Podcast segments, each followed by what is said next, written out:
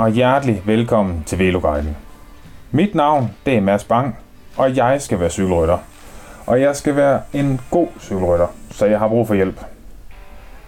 Kan du huske dengang, du var øh, en øh, helt ung pige eller dreng, og du havde måske en skuespiller, eller en sanger, eller en sportsstjerne, som øh, du var sådan næsten helt betaget, jeg næsten forelsket i på afstand. Sådan har jeg det med gravel lige nu. Jeg har prøvet en enkelt tur på en gravelcykel for flere år siden, øh, før det var, hvad det er blevet til i dag. Og allerede dengang, så tænkte jeg, det her, det kan noget. Siden er der virkelig sket meget, både på den internationale og den danske gravel-scene. For det første er det blevet en vanvittig populær måde at cykle på, og for det andet så er der jo efterhånden kommet mange deciderede gravelløb. Og hold nu kæft, hvor ser det fedt ud. Så udover at jeg gerne vil være en god cykelrytter, så vil jeg virkelig også gerne være en god gravelcykelrytter. Så hvem bedre at tage en snak med end øh, den danske Mester Gravel himself, Mads Christensen. Mads han er selv tidligere professionel cykelrytter med en mega flot karriere bag sig, og derudover så har, øh, driver han i dag sin egen virksomhed, hvor han har vel det, man kan kalde en, nærmest et klubhus, hvor han tilbyder kropsterapi og især bikefits. Og så driver han også det her Adventure Cycling, som arrangerer gravelløb. I den her episode tager jeg en snak med Mads, hvor vi kort vinder hans karriere. Men mest af alt, så snakker vi gravel. Og jeg vil gå så langt som til at sige, at det her, det er den store gravel guide. Hvis du har det bare en smule ligesom mig, så er det et must lyt. Når du har lyttet den her podcast, så vil du være rigtig godt klædt på til at blive en vaskeægte graveler. Især med fokus på race. Så vi snakker både øh, udstyr, hvordan du bedst forbereder dig til et løb, træning og hvad du kan forvente, når du øh, dukker op til dit øh, første gravelløb. På lørdag den 27. august, der afholder Mads igennem hans virksomhed Adventure Cycling det uofficielle nordiske mesterskab, som skal være et øh, nyt monument inden for gravel. Det afholdes i Vejle, og der er flere forskellige distancer, som kan køres både som en oplevelse eller som race. Og lige nu der arbejder jeg på højtryk for at se, om jeg kan nå at skaffe mig en gravelcykel, for så har jeg egentlig tænkt mig bare at kaste mig ud i det. Bare give mig fuldstændig i kast med det. Lykkes det ikke, så dukker jeg op alligevel.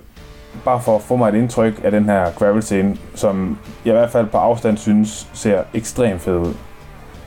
Så jeg håber, vi ses derude. Og med det, så vil jeg egentlig bare give ordet videre til mig selv og Mads Christensen. Jamen, uh, Mads Christensen, velkommen til Veloguiden. Du er jo uh, med her, fordi du er mester gravel. jo, tak. tænker jeg i hvert fald. ja. Og derudover så er du selvfølgelig også uh, tidligere professionel cykelrytter, og du er bikefitter, og kropsterapeut, og ja, så selvfølgelig eventmager. Ja. Nu. Øhm, det er mange kasketter. Ja, det er mange kasketter, men det er det fedt, så kommer aldrig rigtig til at kede sig. Det er jo det. Ja. Der er altid, altid noget nyt. Det, det, det varierer meget, ja. og det kan jeg egentlig rigtig godt lide. Ja, ja. ja det er også det, det er træls at komme til at sidde og kede sig med det samme. Præcis. Ja, men øh, Mads, øh, før vi sådan øh, går ned i det, som jeg tænker, det for, for alvor skal handle om i dag, gravel, mm. øh, så kunne jeg godt tænke mig, at vi laver sådan en lille øh, præsentation af dig. Øh, fordi du har jo også øh, nogle ting med i rygsækken, der ligesom øh, kvalificerer dig lidt også til at, at kan snakke om cykling. øh, du har været professionel cykelrytter, både på, altså som hvis man skal snakke de helt store navne, øh, sådan holdmæssigt, Quickstep og Saxo Bank har du også været omkring. Ja. Øh, men hvornår begynder du egentlig at cykle? Det gør jeg i, øh, i 1995. Hold om. Øh, ja, sådan, der begynder jeg at cykle lidt på egen hånd mm-hmm. på, øh, på en mountainbike, som jeg har sparet sammen til. Mm. Øh, sådan min, min første rigtige cykel, kan man sige. Ja. Og så fik jeg en uh, Kivis Ballant trøje af min, uh, min mormor, og en matchende hjelm også, Kivis ah, Ballant, ikke? Ja. ja. Så det var rigtig stort, og det var lige der, hvor Bjarne Ries, han blev nummer 3 i Tour de France, ja. og det havde jeg jo sådan fulgt lidt med i. Ja. Uh, så det, uh, det synes jeg, det var ret spændende. Ja. Og så, uh, så kørte jeg et, et talentløb ja. i Odder, jeg kom fra Odder. Ja. Og uh, ja, det, så tabte jeg jo kæden og så videre. Så, men jeg fik stadigvæk kæmpet mig tilbage, ja. og fik en, uh, en tredjeplads Oh. Og det synes jeg egentlig, det var egentlig okay. Ja. Altså, fordi at jeg kørte jo forbi dem alle sammen, så det var egentlig en god oplevelse. Ja, ja. Det er godt med de tidlige succeser. ja, det er det. Det er vigtigt. Det er, vigtigt, det ja. er rigtig vigtigt, Ja. ja. ja. Og øhm, jamen, så startede jeg jo sådan lidt øh, med at, at komme ned i, øh, i cykelklubben, ned i årets cykelklub, og, og så, øh, det var det var der sidst på sæsonen, ikke? og der havde de klubmesterskab, og det gik jeg hen og vandt. Okay. Øhm, og så, øh, så startede jeg egentlig op dernede til deres øh, sådan, øh, vintertræning, og var med der øh, det meste af vinteren. Ja. Øhm, og begyndte så der i 96 at køre sådan en rigtig cykelløb Ja. øh, i foråret 96. Hvor gammel er du i 96? Jamen der er jeg vel en, øh, hvad, 11-12 år eller sådan noget. Ja, ja okay. Ja. Øh, og øh, ja, så skulle jeg jo lige finde ud af, hvad det, hvad det gik ud på. Ja. Øhm, og fik nogle fine placeringer der til at, til at starte med. Og, og da jeg så endelig fik øh, hul på bylden og fandt ud af, hvordan, øh, hvordan jeg skulle knække øh, koden med at komme først, Ja. så, øh, så, øh, så blev jeg egentlig ved med det. Altså at vinde. Øh, og vandt en masse cykelløb. Ja, ja, fordi det er også det, jeg ligesom har kunne læse mig lidt frem Ja. til, at du, især i de unge år, der, der var der, øh, der var noget talent at spore, sådan ja. relativt tidligt. Ja, Øh, ja, så, så, så det gik egentlig derud af, og jeg, ja, det var nærmest øh, ikke hver weekend, men næsten hver weekend, hvor, at, øh, hvor jeg stod øverst på, øh, på skamlen. Så, og så er det jo sjovt. ja Altså, så er det rigtig sjovt. så er det jo det, er jo det fedeste. Ja, Øhm, og det, sådan har, var det egentlig bare op igennem øh, drenge, ungdomsklasserne øh, klasserne og ja, op til, til junior, og så begyndte det selvfølgelig at blive lidt, lidt mere konkurrence øh, i, i junior, ikke? ja, Øhm, og øhm, ja, så, øh, ja så, så gik det egentlig sådan øh, derfra. ja, slag i slag. Slag i slag. Ja, ja, og der var et uh, U23 VM, ikke? Jo, Med en, med en, med en uh, rigtig fin placering ja, en blandt de flot tredjeplads. Ja, ja, ja, ja. ja. Øhm, og, og hvad så, er det så øh, efter det, at øh, der ligesom begynder at komme sådan øh, et, altså at folk de begynder at se dig sådan i udlandet også, altså i forhold til, til quickstep og sådan nogle ting? Ja, altså der, der havde faktisk været allerede inden, Ja. øhm, faktisk da jeg blev, øh, at der kom fra junior som juniorrytter til Ja. øh, at blive første år senior, der, øh, der var jeg så heldig at komme med på øh, det, det hed så CSC dengang, Ja. ja. CSC Bjørn Rises hold. Ja, ja. Øh, de havde en træningslejr nede omkring Luca, Ja. øh, hvor jeg så var med i en uges tid der, ikke? Nå, fedt. Det må Øh, være en lille, vild oplevelse. Som, Ja, det var det også. Som sådan nogen, ja, Ja, ja det- køre med det alle de store kanoner. Ja, det var det. Ja, Og det var sådan der i det, det tidlige forår, øhm, sådan inden de skulle til i gang med Paris-Nice og ja, alt det ja der, ikke? okay, sindssygt. Så, øh, så, og det gik rigtig godt nemlig. Ja, Øhm, så, så der tror jeg, at øh, der fik han lige skrevet, skrevet lidt i bogen der, ikke? ja. Er det sådan Øhm. der, hvor du sådan øh, tænker, øh, sådan for første gang måske, at du kan drive det til noget? Sådan professionelt? Sådan, jamen sådan rigtigt. Ja, Ja, fordi ja. Der, der kunne man ligesom måle sig med altså, datidens øh, stjerner, Ja, ja. altså Sastra og Ja, Hamilton og Ja. hvad de nu hed på det tidspunkt der, Ja, ikke? ja. Øhm, og øh, ja, det var, det var egentlig, øh, det var, det var ret godt. Øh, så, øhm, og, og det, der, når de så kørte de her, de kører altid sådan lidt nogle test, nogle, nogle cykelløb og noget, ikke? Og Ja, der, ja. der sluttede jeg sådan helt fremme. Nå. Øhm, sindssygt. Så øh, jeg kørte fra nogle af de der. Så, øh, Ej, ja, så, det er så sådan det noget, var man gemmer fedt. for evigt. Ja, men det, den sidder sådan lidt i baghovedet der. Det var, Ja. det er fedt sådan noget, ikke? Ja, ja, ja. Også det der med, når man ligesom kommer uden, øh, der er ikke nogen forventninger eller noget, ikke? Og, Ja. og øh, det er jo bare at prøve sig selv af og, og se, hvad der sker, ikke? Ja. Og, Det er også tit, altså med det der med, at kan køre mere frit, at det kan, Mm. altså det kan, ja, det giver lige nogle ekstra procent. Ja, jeg tænker Ja. især de unge år, der, øh, Ja. det der forventningspres. Øh, man kan godt blive meget imponeret af de der unge drenge, man ser i dag, ikke? Der, altså, som er helt starten af 20'erne, og så ja. Kan performe on det der. Ja. Jeg skulle i hvert fald ikke have døjet med det, da jeg var Nej. 21-22 år. Det er en ting, der er helt sikkert. ja. Men, men altså, så, som du siger, så, øhm, så efter det her VM, i U23-VM i Mhm. mm-hmm. Verona i øh, 2004, øhm, der får jeg så tilbud fra, fra de her professionelle hold, og der Ja. har jeg så kørt som U23-rytter i to år. Ja, Øhm, og øh, der vælger jeg så at skrive med øh, Quickstep-holdet der, ikke? ja, Ja. Og øh, kommer så ind der og bliver en del af holdet og øh, flytter til Italien. Øhm, og hvor gammel er du her? der er jeg, jamen der er jeg vel 20. Øh, 20, ja. ja Så det er nok altså, ja. Sådan første gang ude, sådan hjemmefra-agtigt. Ja, det er det. Ja, ja. Det er det. Øhm, og så, øh, jamen, så havnede jeg nede i sådan en, en, lille, en lille landsby nede i Italien, Ja. øh, hvor der ikke sker en skid. og øh, på det, på det daværende tidspunkt, der var ikke sådan, så meget internet og Nej, nej, det sociale medier og sådan noget. Så. Slet ikke en lille italiensk landsby, tænker jeg. Nej, men altså, øh, jeg kan faktisk ikke, jeg tror ikke engang Facebook og sådan noget, det sådan rigtig var, var Nej. opfundet Nej. øh, på det tidspunkt. Altså, Så, nej, det er i øh, hvert fald, ja, det var ja. ja. Og det var skide dyrt at ringe Ja. ja. i udlandet og alt det der, ikke? Så øh, det var sådan i rigtig gamle dage. Ja, det er helt Så, gammelt, ja. Det der, man næsten kunne svare sig og sende gammel brev. ja. ja. Øhm, men altså, nogle af de ting der, det der med sådan lidt manglende kontakt, og man ligesom bliver lidt isoleret, og ja. øh, at det, det bare er at bo i en kuffert og ud til cykelløb, og så hjem og sidde i den der lejlighed igen, ikke? Ja, Det, det gjorde, at jeg sådan lige så stille mistede lysten lidt til det. ja. Øh, Så det var slet ikke lige det, du troede, det ville være. Nej, altså det var det egentlig ikke.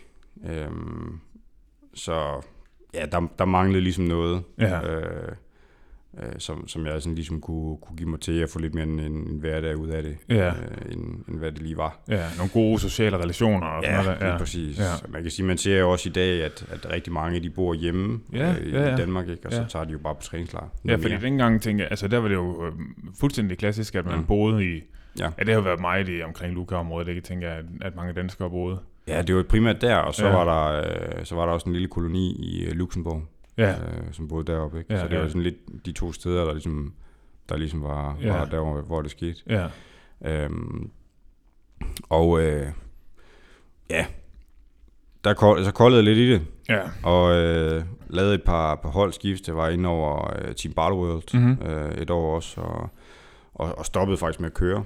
Ja. Øhm, Ja, Så skulle du være tøjmand. ja, så blev jeg tøjmand Ja, øhm, i en tøjforretning i, i Odder, Ja. ja. altså en tøjeksperten. Så gik jeg i lære der. jeg tænker næsten det største skift, det er, at nu, øh, altså sådan, det jeg tænker med cykelrytte, det er, at man er ikke glad for at stå op, men man står rigtig meget op i en, en tøjbutik. Ja. Det må næsten have været det værste, tænker jeg. ja, ja, måske. Ja. Øhm, Ja, det gode, det var jo selvfølgelig, at du ikke skulle ud og træne så meget, tænker jeg. Ja, det var, altså, på det tidspunkt, Ja, ja. ja. der var mange andre ting, der var, Ja. ja. der var lidt sjovere Ja, ja, i den alder der. Ikke? ja, Og der var jeg været 22, tror jeg, eller sådan noget. Ja. 22. Og, øh, men altså, ja, en gang cykelrytter, så øh, altid cykelrytter, tror jeg, ja. på en eller anden måde. Så, så jeg kom til at savne det. ja, Og det gjorde så, at jeg, øh, jeg hoppede på cyklen igen, og, og startede op igen i, i A-klassen Mhm. øh, herhjemme, og, og begyndte at vinde et par, par løb i ny og og fik blod på tanden, og kom på, øh, på designerkøkken, som det hed dengang, Mhm. mm-hmm. et øh, kontinentalhold. Og så øh, året efter på Gluder Marstrand, hvor det så lige gik, øh, gik lidt bedre, ja, også i udlandet. Og så fik jeg så den her kontrakt med, øh, med Saxo Bank, ja, så jeg egentlig kørte mig lidt tilbage Ja, på, ja. Øh, på Worldtouren. ja. Så, ja, så havde du lige, hvad havde du, tre sæsoner hos Saxo Bank dengang? Ja.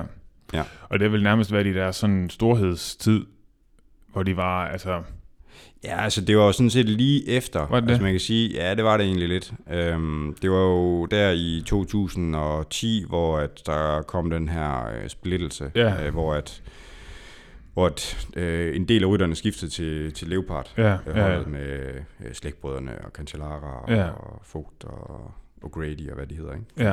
Og, ja, og så, så er der ligesom selvfølgelig nogen tilbage, og så kom hele det her Contador-sling ja, ja, øh, sammen med mig. ja.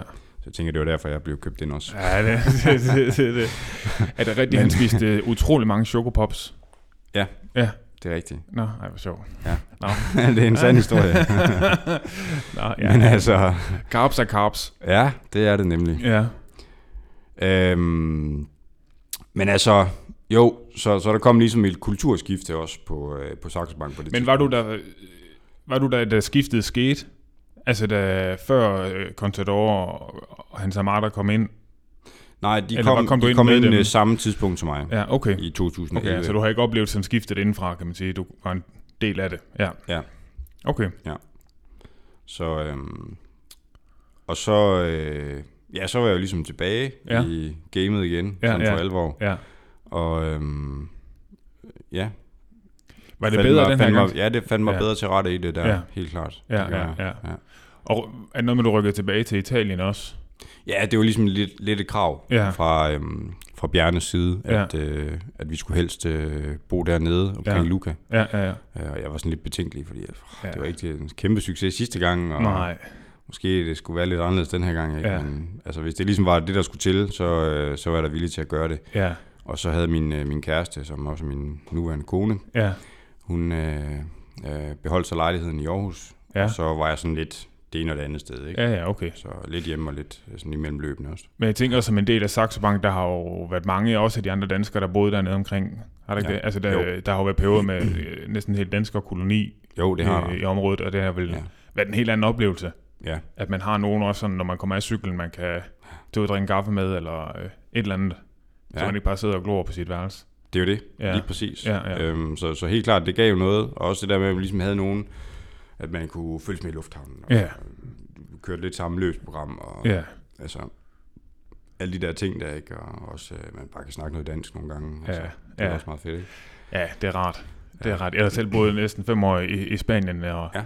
det der med sådan hele tiden at skal snakke sådan øh, spanglish, Ja, og øh, sådan, altså det, det er rart nogle gange bare at kan snakke dansk. ja. Ja, Det er er, det. det. er det. Det er noget andet.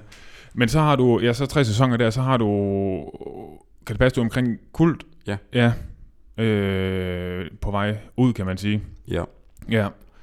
Og var og, det sådan et bevidst valg at sådan ligesom tage et skridt ned og, og slutte af, eller? Ja, egentlig øh, fordi, at man sige, jeg havde et kontraktudløb. Altså jeg startede med et etårig kontrakt på, på Saxo og fik så Ja. øh, forlænget med to år mere. Ja, Øhm, og så derefter, så, øh, eller i mellemtiden kommer ham her Tinkoff ind over ja, øh, i 2012, ikke? ja. Øh, og, og så øh, skulle der jo ske en masse vanvidsprojekter. Ja, det har hørt lidt om. Og så tror jeg ikke lige, jeg var en del af de planer der. Nej, det var okay. jeg ikke. Nej. Øhm, og, og så, øh, så fik jeg sådan et, et ret fornuftigt bud fra, fra Kult på det tidspunkt, og så tænkte jeg, det, det er fint, så ja. jeg kom hjem igen. ja, Og øhm, ja, men altså set i bagspejlet, så, øh, så var jeg måske også lidt sådan, du ved, Ja. Nå, ja, det var også okay. ja, nu, øh, nu har jeg kørt Ja. ja. lidt igen, ikke? Ja, ja. Og øh, skulle måske bare være have trukket stikket der, altså, Ja. ja. fordi det var ikke nogen specielt god sæson på, på kult. Altså, Nej, Det er jo mere fordi, det, det kan være svært som cykelrytter ligesom at øh, acceptere, at, At det- okay, nu, ja, ja, nu det skal jeg måske til, at, til at parkere cyklen. ja, ja, ja. Selvom jeg i gåsøjne kun var 30 på det tidspunkt, Ja. ja. eller 29-30. Ikke? Ja, ja, der kunne i princippet været mange gode år i nu. Ja, det kunne der. Ja, Ja, ja. ja. Men altså, jeg tror øh, sådan i det store hele, så, øh, så som, som person, så, øh, så har jeg måske behov for, at der sker noget andet, end Ja. ja. at det kun er, hvad skal man sige, fokus på, øh, på cykling og Ja. ja. træning og, Ja. ja. og løb og alt Ja. ja. det der. Ikke? Altså, Ja. ja. At der ligesom er nogle andre ting ind over os. Ja. Altså, ja, et liv, ikke? Altså, jo, og det, det tror jeg også, det afspejler sig lidt i, øh, hvad jeg laver nu. Ja. Ja. Altså nu, som du indledningsvis sagde her, at der er mange ting. Ja, ikke? ja, ja. Og det finder mig rigtig godt tilpas i, Ja, ja, at det der ja. med, at der er mange forskellige projekter, Ja. ja. som det ikke bare er én ting, der, som det også er som cykelrytter, der, Ja. er det, der er det det, Ja, at ja, du ja. ligesom skal fokusere på. Ikke? Ja, ja. Øhm, så, så jeg tror bare, sådan i det store hele, så, så er det nok ligesom, ligesom meget det, der, Ja. ja. der måske gjorde, at ja, så, så, så tabte jeg motivationen en lille smule. Sådan, øh, og andre perioder, så var jeg helt op og meget fokuseret og Ja. ja. klar ikke, og kørte stærkt. Ja, Øhm, så det blev måske lidt, lidt svingende sådan i præstationen også. Ikke? Ja. Og, ja. og det duer ikke på, øh, på Worldtouren. Nej, ikke på det niveau der. Der skal man være sådan lidt mere konsistent. Ikke? Ja, det skal man. Det skal man altså. Ja. Men altså så, øh, du får, får sagt farvel. Ja. Og så, øh, hvad, hvad, hvad var dine øh, dine planer? Altså, fordi jeg tænker jo ikke, at du har jo ikke øh, noget at kunne tage en, øh, øh, sådan en, en længere uddannelse ved siden af, eller noget som helst. Altså, nåede jeg at få den her øh, i tøj, tøjforretningen Ja, øh, som salgsassistent, ja, med så med speciale, speciale hertøj, men den kunne man godt bruge til andre ting også. ja, Så, øh, så jeg fik et job øh, hos en øh, cykeldistributør oppe Ja. i Aarhus. ja, Og øh, sad så på, på kontoret der og havde kontakt ud til øh, de forskellige forretninger Ja. og stod for reklamationer og de her ting, ikke? ja, ja, Og øh, ja, så, øh, så havde jeg så øh, fredag fri, ja, øh, fordi det var ligesom det, der var øh, hvad skal man sige, afsat i forhold til løn og sådan noget der. Det var ikke et specielt stort firma. nej, Øhm, og så, øh, så havde de et lokale, der stod tomt, ja, og så var det det her med bikefit, det også øh, lige så stille gik i gang. ja, Øh, så lavede jeg en aftale med, med ham, der havde firmaet der, ikke? Ja, Øh, om at øh, jeg godt kunne, øh, kunne bruge fredagen ja, der til det, ja, ja. ja. at stå og lave bikefits. Var det noget, du sådan så småt, altså i slutningen af din tid, for eksempel på kul, var det noget, du sådan begyndte at boge i der? Altså, Ja, ned lidt, i? ja, sådan Ja, ja, begyndte ja. og jeg har altid øh, gået meget op i Ja. øhm, kroppen, hvordan det fungerer, og øh, hvordan man lige kan få lidt ekstra ud af den, hvis man Ja. ja. lige øh, retter lidt på, på det ene og på det andet, eller Ja, ja, ja. ja. skifter en frempinde eller en sadel og sådan noget, ikke? og Ja. ja. en klampeposition og det der. Ja, ja. Og måske faktisk brugt lidt for meget tid på det, Ja. ja. i stedet for at køre. ja okay. ja. Øhm, ah, der har været nogle mekanikere, som har nogle gange, Ja, de har været trætte af dig. ja, de har vandet mig lidt. Ja, Øh, men øh, jeg har gået meget op i det, ja, Og, øh, og det har jeg så taget med videre, ikke? Ja. Og selvfølgelig også øh, læst det, jeg kunne. Ja, ja. Og senere hen taget øh, uddannelsen hos Shimano Ja. i forhold til, til bikefitting. ja, der, ja. ikke? Og øh, så egentlig koblet mit eget på, så Ja. jeg ligesom på en eller anden måde har udviklet lidt mit eget, øh, mit eget system, kan Ja. man sige. Ja, for du har også så fået uddannet dig til kropsterapeut, ikke også? Præcis. Altså, jeg tænker, det giver noget an, et andet... Øh, altså, det giver måske et mere holistisk sådan billede, Ja, det gør. billede af det, end det der med sådan, hvis man begynder at sætte elektroder på knæ, og altså, Præcis. at det er også noget mere end, end bare det. Ja, lige præcis. Ja. Og, og det er det, som jeg øh, rigtig godt kan lide at arbejde med, Mhm. mm-hmm. at, at øh, man kigger lidt mere på helheden. Mm-hmm. Øh, I stedet for at øh, fokusere lidt mere på de, de enkelte ting. Altså hvis der kommer en og siger, at man har ondt i knæet, men det kan godt være op fra hofte eller helt op i nakke skulder. Altså Ja. der ligesom er noget, der, der ikke øh, fungerer rigtigt. Ja, ja, ja. Øhm, og så det her med, at jeg egentlig kan gå ind også i, i hele den her forundersøgelse, jeg laver, inden vi egentlig begynder at arbejde på cyklen. Ja, Øh, og faktisk lave noget behandling. Ja. For ligesom at, hvad skal man sige, nulstille folk. ja, Øh, ret en skæv hofte, hvis der er det, eller også med, med ryggen, ikke også?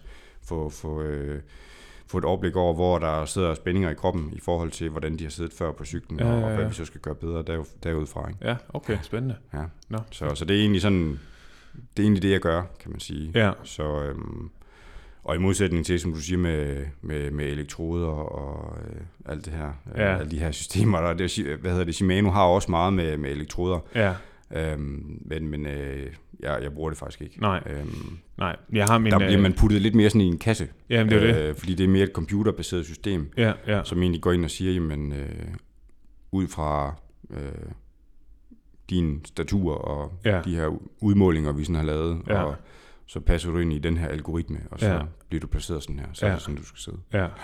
Men jeg har også, min, min, øh, min kæreste har også en lille klinik i, øh, i en butik oppe i, i Aalborg. Hun er fysioterapeut. Og hun har også noget, altså hun laver også en masse bikefits deroppe. Og hun har, også på grund af hendes sådan fysioterapeut baggrund, så bruger hun heller ikke rigtig så meget af det der, Nej, øh, som hun har fået. Øh, hun er jo også uddannet, øh, jeg kan ikke huske, hvor, hvor det er, om det var igennem Specialized eller hvad det er, men altså, Ja. i hvert fald det der med sådan at altså, koble sit eget på, altså netop gøre det mere holistisk, at det, Ja. det giver nogle andre resultater i sidste ende, Det gør det. Øh, hvor man altså bare kommer til at sidde bedre, ikke? jo, Ja. præcis. Okay, men altså, og så får du stille og roligt bygget noget forretning op der.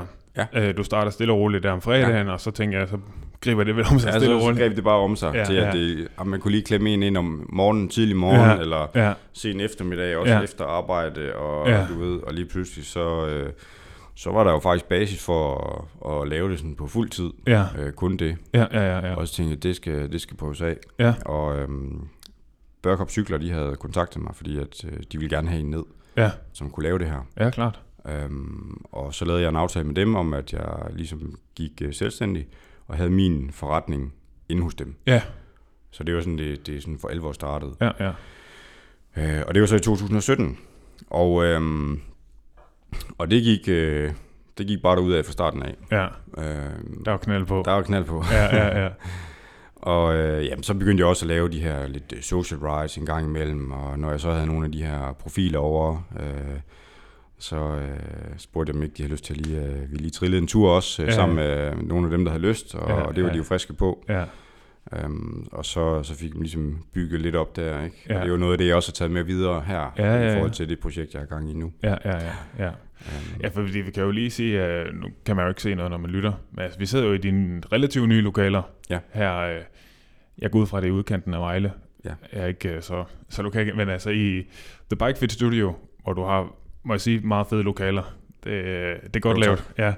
Og, øh, Og, og altså, der sker jo masser af ting her, både din bike fits og din social rights, og jeg tænker også, der bliver lagt store planer i forhold til hele gravel-universet her. Der bliver tænkt, uh, tænkt ja, ja. tanker. Ja. Jo, jo, masser. Ja, ja. ja. Men, øhm, men altså, hvornår, øh, hvornår stifter du så en bekendtskab med øh, gravel-konceptet? Altså det med at køre på gravelcykel og gravel-løb? Jamen det gør jeg faktisk i forbindelse med, at jeg sidder på kontoret ude ved den her cykeldistributør. Ja. Fordi en af de ting, der, øhm, der ligesom fulgte med, det var, at jeg kunne øh, få lov til at vælge en, øh, en cykel. Ah, dejligt. Og det var så Ridley-cykler på det tidspunkt, ja. de havde derude. Ja, ja. Øhm, og der, det er lige der, hvor skivebremser også begynder at komme. Ja. Jeg tænkte, det skal jeg prøve. Ja. Øh, det har jeg ikke kørt med heller Nej, nej. før. Ikke? Og øh, så havde de de her sådan lidt øh, all-roads bikes, gravel bikes, øh, som de begyndte at komme med også. Ja, har det været sådan tidlig, sådan en... Ja. ja okay. jeg, 2016. Ja, ja. Og så, øh, så tænkte jeg, det, det skal sgu prøves. Og øh, så valgte jeg sådan en, fordi jeg tænkte, jamen, øh, man, kan da godt, man kan da godt køre med landevejsdæk på sådan en også, hvis Ja, det var. Og jeg, så havde jeg muligheden for også at køre lidt offroad og Ja. gøre noget andet, end det jeg plejede. Ja, ja. Øh, så jeg valgte sådan en, og jeg tror, at det første halvår, der kørte jeg bare landevej på den, Ja. som jeg plejer. Indtil jeg så prøvede at sætte, øh, fordi jeg, nu skulle jeg jo lige ud teste den ikke rigtigt. Ja, ja, selvfølgelig. Så fik jeg endelig sat øh, nogle, øh, nogle graveldæk på, og så, øh, ja, så røg de sgu ikke af igen. Nej. Så har jeg egentlig kørt, øh, kørt det siden stort set, ikke? Ja, Øhm, og det, der, så kom den her idé til også at lave øh, måske et af de allerførste øh, gravel events herhjemme. Ja. Øhm, øh, hvor at, at jeg tænkte, den skal sgu have hele armen, ikke? Vi skal, Ja. vi skal gøre lidt ud af det. ja lave noget fedt. Ja, så, Ja. så jeg brugte øh, den lagerhal, vi så havde derude, ikke? Mm. hvor vi rullede porten op, og så var der kaffe og rundstykker der om morgenen, og så kørte vi sådan 80 km rute, der jeg havde brugt rigtig lang tid på at, på at finde. Ikke? Ja. Øh, og det var inden øh, det ligesom blev det her med, at man kører i GPX-spor, det gjorde vi jo ikke engang. Nej. Så det var bare, øh, der skulle jeg huske i hovedet hele turen, ikke? Og så ligesom øh, sørge for at få alle med. Ja, Og, og det var altså en udfordring, Ja. fordi at, øh, der var stor niveauforskel også. ja, Øhm, og så havde jeg lavet sådan et, øh, man kalder det hemmeligt øh, bagerstop ude i en skov Ej, fedt. med en øh, pavillon og kaffe og basser og det hele. Nej, fedt. Ja, Øhm, så, så det var folk jo vældig begejstrede for. Da vi så kom tilbage efter den her tur, det var i oktober måned, så Ja. det var stiv cooling, og det stod faktisk ned i stænger også. Piskoldt. Men folk øh, elskede det, ja, og synes det var skide sjovt, ikke? Fordi Ja, ja, ja. ja. det var anderledes, det var nyt på det Ja, ja, ja, tidspunkt ja. også. Øhm, og så var der grillpølser og fadøl og Ja. ja. mere kaffe og, Ja. ja. og det hele der, Ja. da vi kom tilbage. Ikke? ja.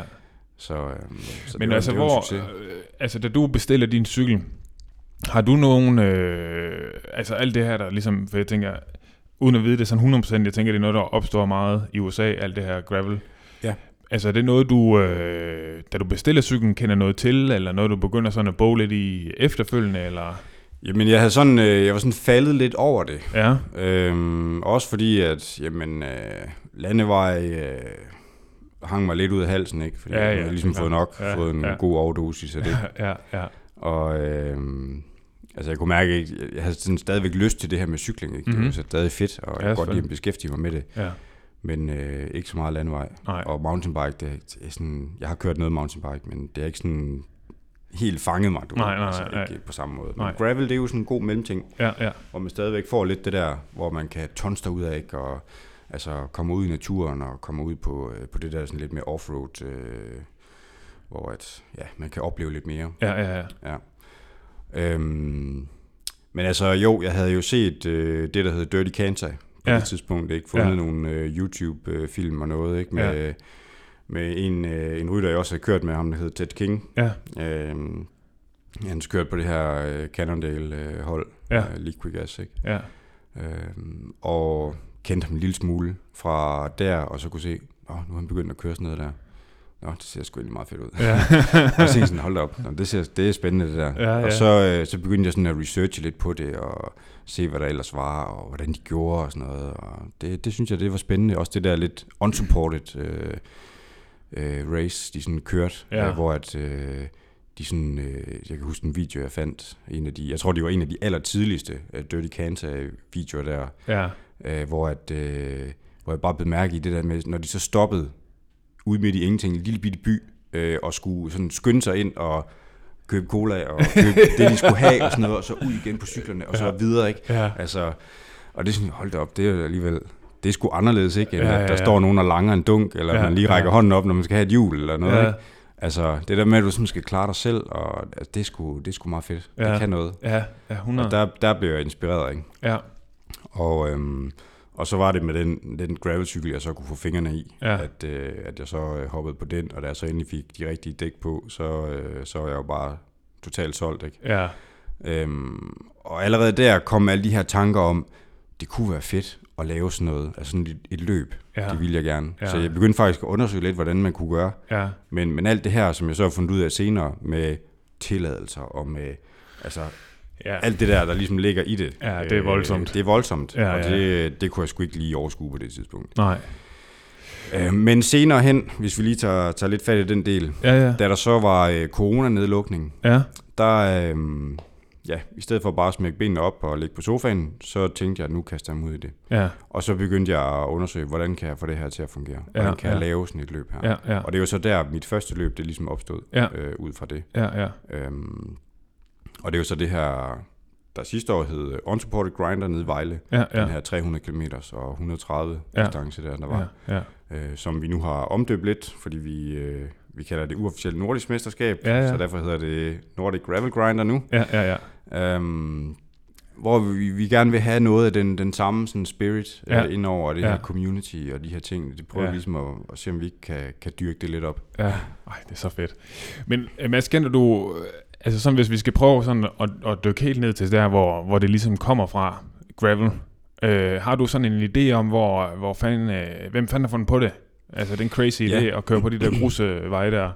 Jamen altså, det opstod jo, øh, det er jo en amerikansk ting. Mhm. Altså selve gravel-delen. Man kan sige Ja. helt tilbage øh, i landevejscyklingens øh, spæde start Ja. ja. barndom. Der har de jo også kørt meget grusveje. Ja, ja, ja, det er klart. Ja, Så, så der ligger jo lidt Ja. ja. historisk tilbage, øh, helt tilbage. Ikke? ja, ja. Og, øh, men altså selve gravel, som vi kender det nu, ja. det er jo øh, det er en amerikansk ting, som er opstået ved, at, øh, at, at der mange steder er mange grusveje derovre. Ja, ja, ja. Det er vel Øhm. sådan Midtvesten, er det ikke det, man kalder det område der? Jo. Ja, ja. Øh, og, og for at undgå at køre på de der store, øh, lange, lige, trafikerede veje, Ja. ja. så, øh, så begyndte øh, mange ryttere ligesom at søge ud på, på de her øh, mindre veje, Ja, for at komme lidt væk fra trafik Ja. ja. og for at opleve noget andet. Ikke? ja, Øhm, og i starten var det meget bare på, øh, på deres racercykler, også Ja. ja. fordi det er en lidt en anden type grus, de har derovre, end, end vi har herhjemme. ja. De døjer ikke så meget med den flintesten der. Det gør de heller ikke. Nej. Og så er det typisk sådan lidt mere hardpacked, Ja, øhm, som man måske også kender lidt i Sverige. Altså egentlig ret gode øh, grusveje. ja, ja, ja. Og øhm, ja, så er det ligesom udviklet sig der, ikke? Og så, øh, så, så er der begyndt at komme de her små events, og, og så, øhm, så er det bare eskaleret stille og roligt. Har du en idé om, hvornår man, be- altså, man sådan ser de, de første sådan tegn på, på det, man, der hedder gravel i dag? Øhm, altså, ja, altså det er jo det er jo omkring de her 2006. Og så er det ikke engang ældre end det? Nej. Det er sat med vildt. Okay, vildt. Ja. Nå. Og det er jo, det var jo nok en af de første udgaver af øh, Dirty Kansas. Ja, Altså hvor at øh, nogen havde fået den her tos idé med Ja. at køre 200 miles ja, på grus. ja. Øh, Ja, og, hvor man så selv skal, ja, du skal, selv for det sørge, du skal selv sørge for det hele. ja, du skal have det hele med. Ja. Eller i hvert fald kunne ja. Ja. uh, provientere undervejs. Det er det. Ja, Og øhm, de var 34 rytter til ja. den første udgave. ja, ja, Der var tosset nok til at gøre det her. ja. Og så året efter, så var de omkring 100. Ja. Og så, du ved, så er det ligesom eskaleret derfra, ja. hvor ja. det bare blev større og større, ikke? Ja, fordi nu, havde, nu er det vel det, der hedder Unbound, ikke også? Jo. Og jeg synes, jeg så, at sidste gang var det, var det over 4.000, der var med, eller sådan noget. Ja. Ja. Og det, der jeg tror, det er ligesom... store profiler med. Altså, der er også Ja. begyndt at komme nogle, nogle hard hitters, der kan, ja. Ja. der kan køre til, ikke? Som, Jo. altså, som faktisk gør det til en profession at være gravel øh, racer. Ja. Ja. Og der kan man sige, lige på det punkt, Ja, der, øh, der mener jeg faktisk, det er ham, Ted King, der ligesom øh, gik ind og blev sådan den første, en af de første, Ja. altså sådan first movers på at, at være sådan lidt øh, gravel øh, professionel. ja, ja. Da han så stoppede, kan man sige, som professionel. Og øh, hans historie, det er sådan, at han ligesom havde den her relation med, med Cannondale, Ja. øhm, og de ville gerne bruge ham på en eller anden måde Ja, ja, ja. til, til noget. Ja. Øh, ambassadør og et eller andet, om hvor- hvordan det så lige skulle formes. Det var de sådan lidt i tvivl om faktisk i starten. Ja, ja. Og så, øh, så havde han så nogen, øh, der prikkede ham på skulderen og sagde, prøv, at du skal lige prøve at køre det der. ja, Det der Dirty Kansas, som det hedder der. ja. Og han lige sådan, Ah, det jeg sgu ikke. det, det tror jeg altså ikke, jeg gider. øh, men øh, så fik de overtalt ham til det, ja, og øh, så gjorde han det, og øh, vandt. ja. Øh, jeg tror ikke, der var så meget konkurrence, Nej. men på det tidspunkt, men Ja. det er så kommet. Ja, Øh, men det vandt han så, og tænkte egentlig, at øh, ja, det var da meget sjovt, men det tror jeg ikke, jeg gider igen. nej. Og så alligevel kunne han se, at der var sådan en, en god respons for det. Øh, også for Cannondale, og de Ja, begyndte ja, at komme med ja. den, der hed Slate på det tidspunkt. Den her, øh, deres første sådan rigtig gravelcykel med øh, lefty gaffel og, Ja. ja. og, og så videre, ikke? Ja, Øh, som han kørte på. Og, øh, og, og der var sådan en stor interesse for det, og så, øh, så er det bare vokset derfra, ja. øh, til at det ligesom, okay, det er det, vi gør. Det er alligevel vildt en, en rejse, det har været på, ikke? På Ja. et eller andet sted mellem 15 og 17 år. Ja. Altså fra at man måske laver første af den der Dirty Kansas til nu at være. Mm. være noget, som alle cykelryttere snakker om. Øh, og det er klart mere en gravelcykel, man måske køber, end en mountainbike til, ja. Ja. til sin vintertræning, ikke? Jo, absolut. Ja. Ja. Men kan være, vi skal prøve at dykke ned i det ned også i, altså, øh, hvad, hvad, er, hvad er behovet? Altså, hvad, hvad kræver det at ligesom øh, komme i gang? Øh, fordi du kan jo ikke bare bruge din landevejscykel. Nej, Du skal have Altså- noget, der er, der er lidt bredere, ikke også? Øh, Ja, med de forhold, vi har herhjemme, ja. Ja. vil jeg sige, at øh, du, kan jo, du kan jo også køre på en crosscykel, altså Ja. hvis det skal være, ikke? Ja. Øh, dog er nogle crosscykler kun bygget til, at de tager 33 mm dækbredde, ikke? Ja. som er UCI-reglen der. Ja. Øhm, hvor det kan være mere behageligt øh, på, en, øh, på en gravel og køre lidt bredere dæk, Ja, fordi så kan du mere. ja, Øh, det er mere all-round, kan man sige ja, ja, ja. mere komfortabelt også, hvis du kører længere ture. Ja. Øhm, så det kan lade sig gøre på en, på en crosscykel, men øh, det bedste er jo selvfølgelig at få fat i en, øh, en rigtig gravelcykel. Ja, ja. Ja. Og der er også noget med geometrien i forhold til øh, en landevejscykel kontra en crosscykel og en gravelcykel. Ja, for din gravelcykel er den ikke, eller en crosscykel er den ikke sådan lidt kortere i geometrien? Den er kortere, Ja. øh, fordi den ligesom skal kunne performe mere Ja, på sådan rundt. teknisk, Ja. ja. tekniske baner og hurtige sving og, ja, ja, og så videre. Ikke? Det er mere det der med styreegenskaberne, der, der er vigtige der. ja, Hvor en gravel er måske lidt længere i det. ja, Øh, lidt højere i kronrøret også, for den, den bliver mere sådan øh, tilbagelænet, kan man sige. Lidt mere komfortabel. Fordi at man jo selvfølgelig øh, absorberer flere stød Ja. øh, ved underlaget, fordi det er mere bumplet i Ja. længere tid. ja, ja, Og man kører længere ture på den også. ja, ja, Knap så teknisk. ja, Så den skal være mere stabil, retningsstabil, øh, på løst underlag. Ikke? Ja. Altså lige ud. Ikke? ja, ja, Ja. ja, okay. Ja, så der er noget med, altså, der skal være plads til et bredere øh, dæk. Ja. Øh, og jeg kan se, at man kan finde også nogen, der kan være sådan lidt en kombi-ting, ikke mellem en landevej, og, altså, hvor man egentlig bare kan skifte dækkene mere eller mindre. Ja, dem er der kommet rigtig mange af. Ja, Og det er dem, de kalder mere sådan nogle øh, race øh, gravel-cykler. Ikke? Hvor okay. det faktisk minder øh, rigtig meget med landevejsgeometri. Ja. Øh, det er egentlig også øh, sådan en, jeg kører på nu, Ja, fra, øh, fra Cannondale. Øh, deres nyeste, kan man sige, som hedder øh, sådan Super 6 øh, Ja. Evo Ja. CX hedder den så. Ja. Øh, fordi den både er lavet egentlig til cross, men også til sådan race Ja. gravel. ja, ja. Okay, okay. Okay, fedt. Så, så, så princippet er det egentlig taget ud fra deres øh, landevejs-serie, øh, serie, Ja. den her Super 6. Ja, Og så har de øh, faktisk bare gjort mere plads øh, til, øh, til bredere dæk på den. Okay. Så den kan tage op til, jeg mener det er 45. ja, Så der er god plads til, både til, til mudder, altså clearance, hvis, Ja. ja. hvis det er det ikke, hvis Ja. ja. man kører i, i vådt vejr. ja, Men også bare til, til bredere dæk i forhold til komfort, Ja. øh, hvis det er det. Ikke? ja. Okay. Så man kan også se, at der begynder at ske noget i branchen, altså fra at det skulle være mere sådan komfort, vi skal bare hygge os. Ja. Nu kommer der også øh, sådan mere, ja. mere race-elementer det sådan ind over ja. det. Ja. Ja. ja, fordi man kan sige, at dem, som har kørt gravel som lidt mere race, Ja, de har kørt på crosscykler Okay. typisk ja, øh, tidligere. Ikke? ja, ja, De crosscykler, der nu har fungeret bedst til det. ja. Øhm, inden de sådan er begyndt at lave de her lidt mere race øh, Orienteret. Ja, ja, Okay. øh, rammer også til det. ja, Så, øhm, så der er sket noget der, Ja. fordi at jeg har også haft en tidligere ja, øh, fra et andet mærke, som øh, jeg synes var for, øh, hvad skal man sige, måske lidt for touringagtig, Ja. hvis du forstår. Ja, ja, altså, 100, ja. lidt for meget det her med, som du siger, vi skal ud og hygge os, og Ja, ja, ja. den skal Ja. den lidt for tilbagelænet, lidt Ja. for lang i stillet, ikke, til Ja. at man, øh, man ikke føler, at der rigtig sker noget, Ja, når okay. at, øh, man skal dreje, og man skal altså, Ja. simpelthen sådan lidt, lidt sløv i styringen. Ikke? Ja, okay. Ja.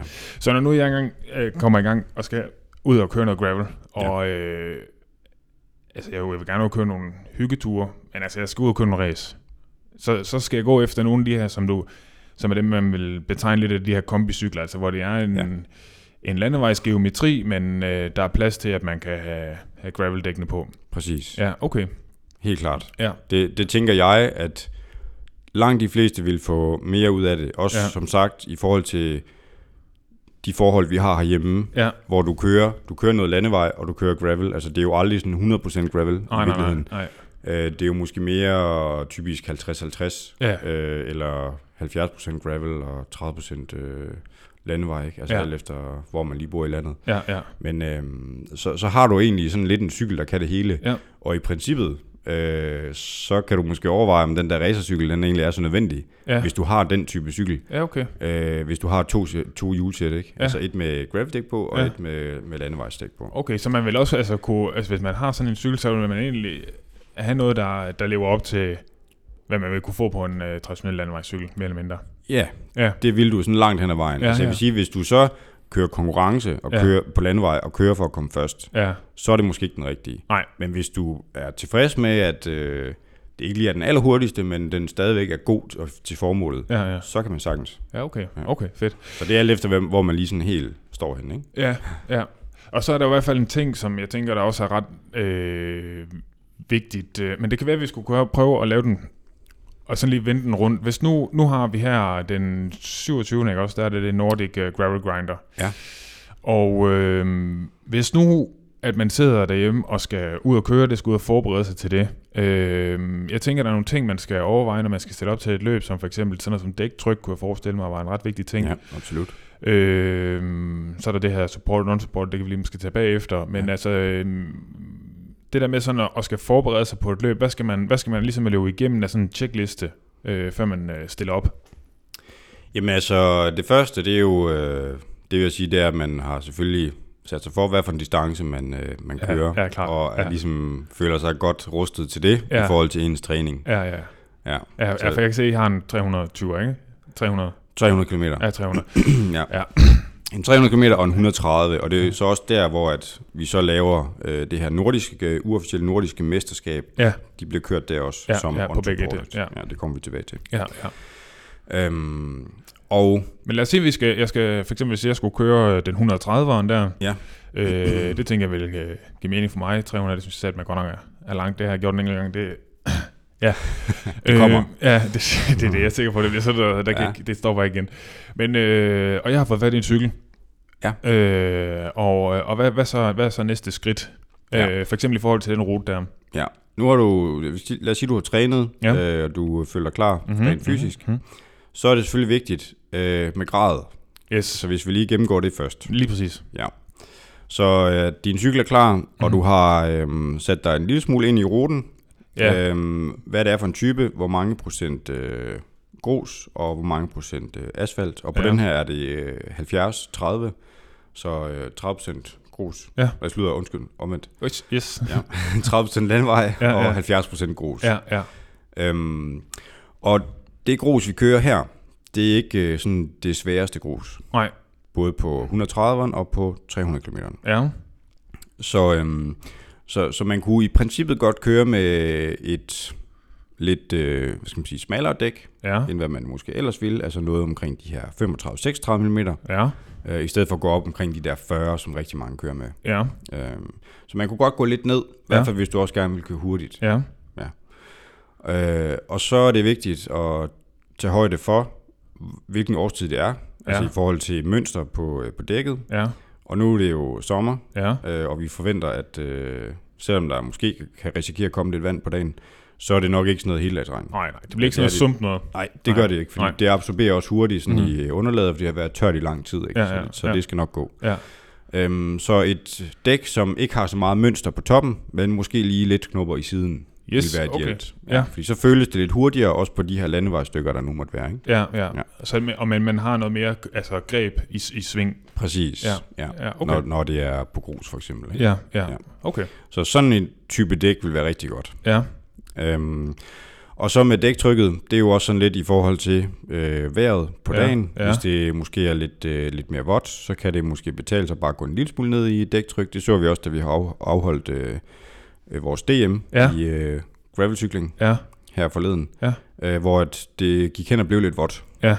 Og øh, vi, der var rigtig mange punkteringer. Ja, ja, ja. ja. Og grunden til det, det var højst sandsynligt, at folk kørte med for meget tryk i dækket. Okay. Ja. Så hvis det tegner til at blive lidt mere vådt, så måske lige gå lidt ned i dæktryk også. Og hvad, øh, altså hvad er lidt, altså hvad, hvad er vi på? Hvor mange bar er vi på? Igen efter bredde, ja. og efter hvor, hvor tung man er. Ja, lad os sige, vi kører de her øh, 435, øh, ja. ja. Og, og jeg er sådan små 80-agtig. Ja. ja. Så vil jeg nok køre med omkring to bar. To bar? Mm. Ja, okay. Sådan lige det leje. Ja, ja. okay. Og det er, hvis det er, øh, lad os kalde det standard conditions. Ja. Ikke øh, for vådt og... Ja. Okay. det er sådan meget, øh, meget standard. Måske mm-hmm. man godt kan 2,2 eller sådan noget den stil, ikke? Okay. På en lille smule op. Ja, ja. ja. Og hvad så, hvis det? Hvad, hvad, hvad er man nede i så? Jamen, det vil, det vil være omkring os, altså to, øh, måske lige under to. Ja, så bare lige... lige ja, lige ja. lidt ud. Ja, okay. Så den lige bliver lidt mere sådan... Øh, ja, smushy. Yes. Ja, okay. Jeps. Cool. Mm. Fedt nok. Og øh, så er der jo, øh, nu er det her jo så, lad os sige, hvis jeg skal køre, så, er det, så vil det være unsupported. Ja. Og øh, så er det race, ja, lige præcis. Øh, så skal man jo øh, selv have alting med. Det er ja. jo så 130 km, så det er jo ikke fordi, det er sådan, at den længste øh, distance, man kan jo have, have meget af det med. Øh, men normalvis i sådan nogle løb her, foregår det på runder? Øh, nu ved jeg, DM, der, der var det i hvert fald øh, på nogle runder. Der var det omgang. Ja, ja der var det omgang, ja. ja. Og hvordan er det her? Jamen her er det en stor runde. Der er det en stor runde? Ja. Yes, okay. Og der er mulighed for at få vand derude. Ja. Så, så man kan godt have måske to store dunke på, ja. øh, og så tanke dem op derude. Okay. Det vil være nødvendigt. Ja, ja. okay. Øhm, og ellers så, øh, lige snart ruten kommer ud, kan man sige, det gør vi jo typisk sådan i ugen op til, ja. så, øh, så begynder lige at lure lidt på, hvor at, øh, der kunne være noget, hvis det skulle gå helt galt, ikke? Ja. Altså, hvor du kan komme ind og tanke vand, det er typisk ja. ved kirker eller ja, noget ja. den stil, ikke? Ja, klassisk, ja. ja. Så, øhm, så det er altid godt lige sådan at have øh, og, og skrive lidt ned. Ja. Øh, lige an til at lægge på overrøjt eller et eller andet. Lige øh, præcis, ja. hvis der er nogle, nogle ting der, man lige skal være opmærksom på. Ja, ja. okay. Øhm, og så er det selvfølgelig det her med energi. Ja. Det er vigtigt. Ja. Hvis vi lige tager den først. Ja. Mm. Øhm, og der skal man jo kigge på, hvad har du brug for i timen, cirka. Ja. ja. Og hvis du kører race, så har du måske brug for en lille smule mere, ja. end hvis du bare kørt turen. Ja, ja. Altså måske som, som supported, hvor du selvfølgelig også har depoter. Ja, ja. Men her har du ikke nogen depoter. Nej. Øhm, så, så du skal i hvert fald regne med øh, minimum en bar og en gel i timen. Ja. Og så også, at du har noget energidrik i din dunke. Ja. Så lad os en god, en god energimix i dunkene til at starte på der, og så bare køre på med gel, så, Mm. øh, og eventuelt noget bar om, hvis man vil have lidt at tykke på. Ja. Yes, okay. Det, det vil være nødvendigt, ikke? Så, så ligesom sige, men øh, hvad regner vi med sådan cirka i snitfart? Og mm. det vil jo være, jeg tror på den her rute, hvis de, hurtigste, de kører måske plus 30. Ja. Ja. Øhm, så det giver vel 4 5 timer eller sådan noget. Ja. Ja. Cirka. Ja.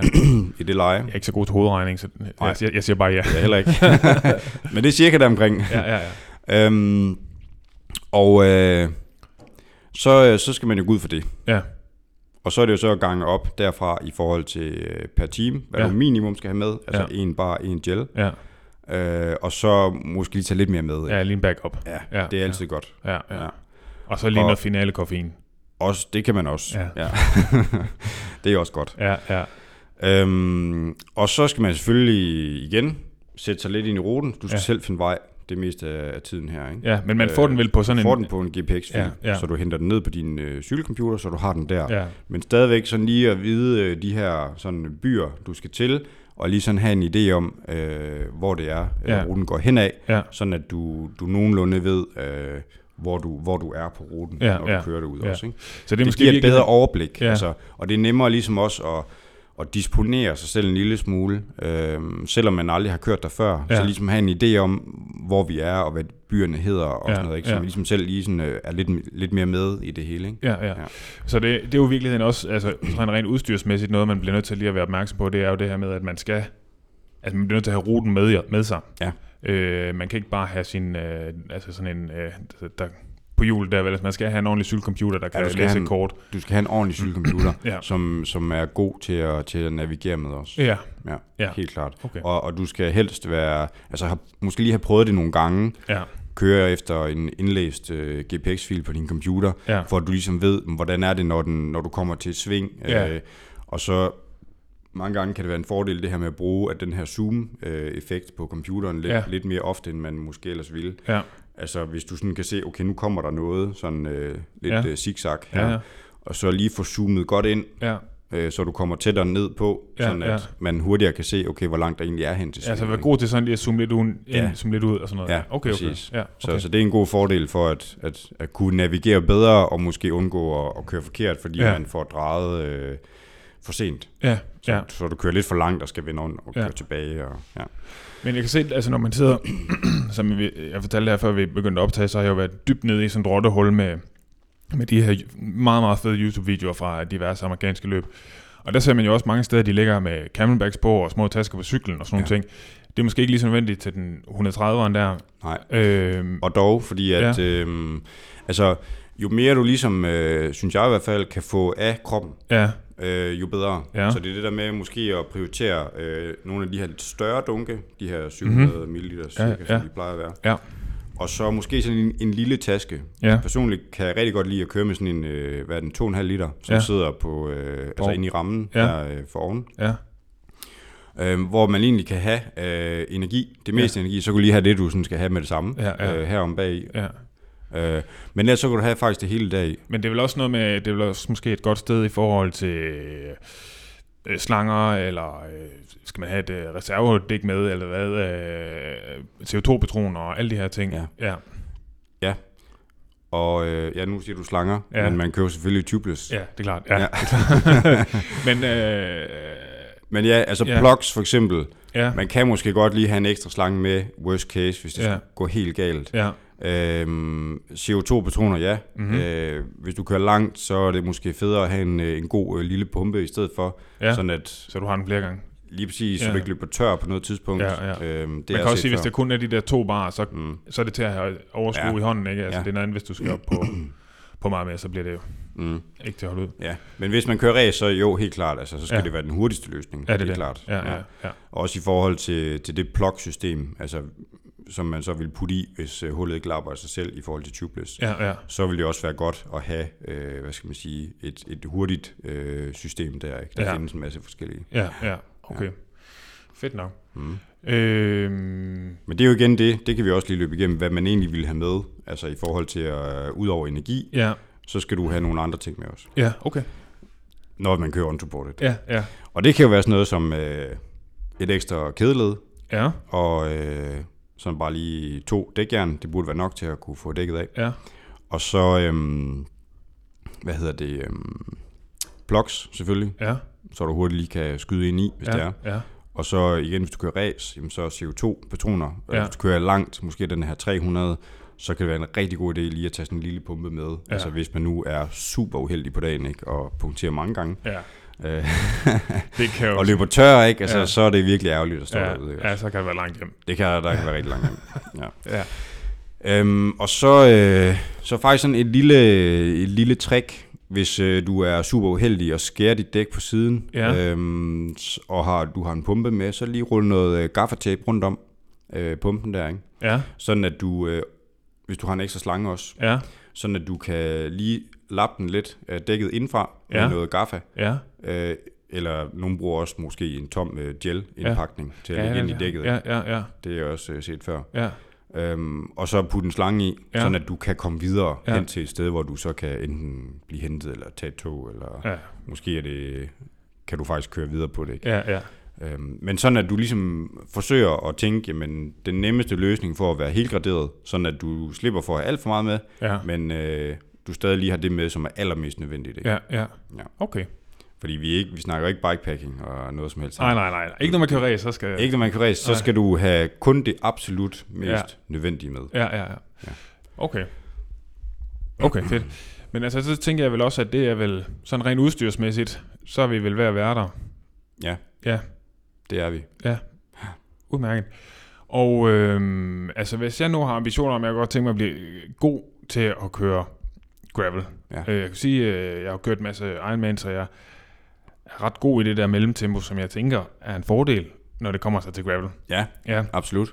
Øh, men men øh, når nu du for eksempel ser øh, de der de store stjerner, øh, der ligesom begynder at komme inden for den her scene, øh, det er jo så meget på den amerikanske scene, der ligesom er nogle profiler sådan for alvor, øh, der specialiserer sig i det. Ser du, øh, at de gør noget anderledes træningsmæssigt? Øh, der er måske i hvert fald noget i distancen, der kan gøre sig Ja. gældende, øh, Ja. men, øh, men udover det. Altså, øhm, der, der, er, der er forskellige øh, tilgang til det. Mm-hmm. Øh, nogle øh, hævder, Ja. ja. at de ikke øh, kører intervaller, at de bare kører. Ja, okay. Ja. Ja, Hvilket jeg tvivler lidt på. det lyder godt, ikke? ja, det lyder, det lyder meget sådan. Ja, ja.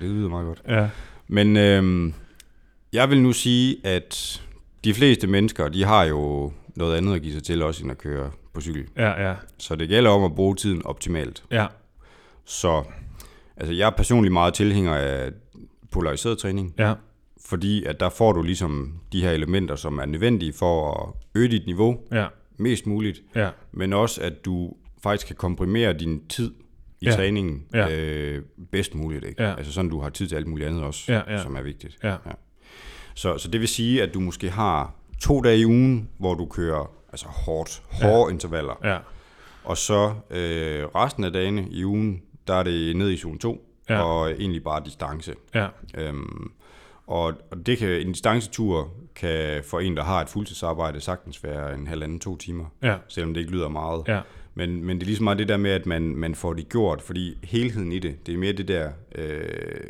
kontinu, kontinuiteten i Ja. træningen, Ja. Der, der giver noget på den lange bane også. ja. Men når, du så, altså, når man så snakker zone 2, Mm.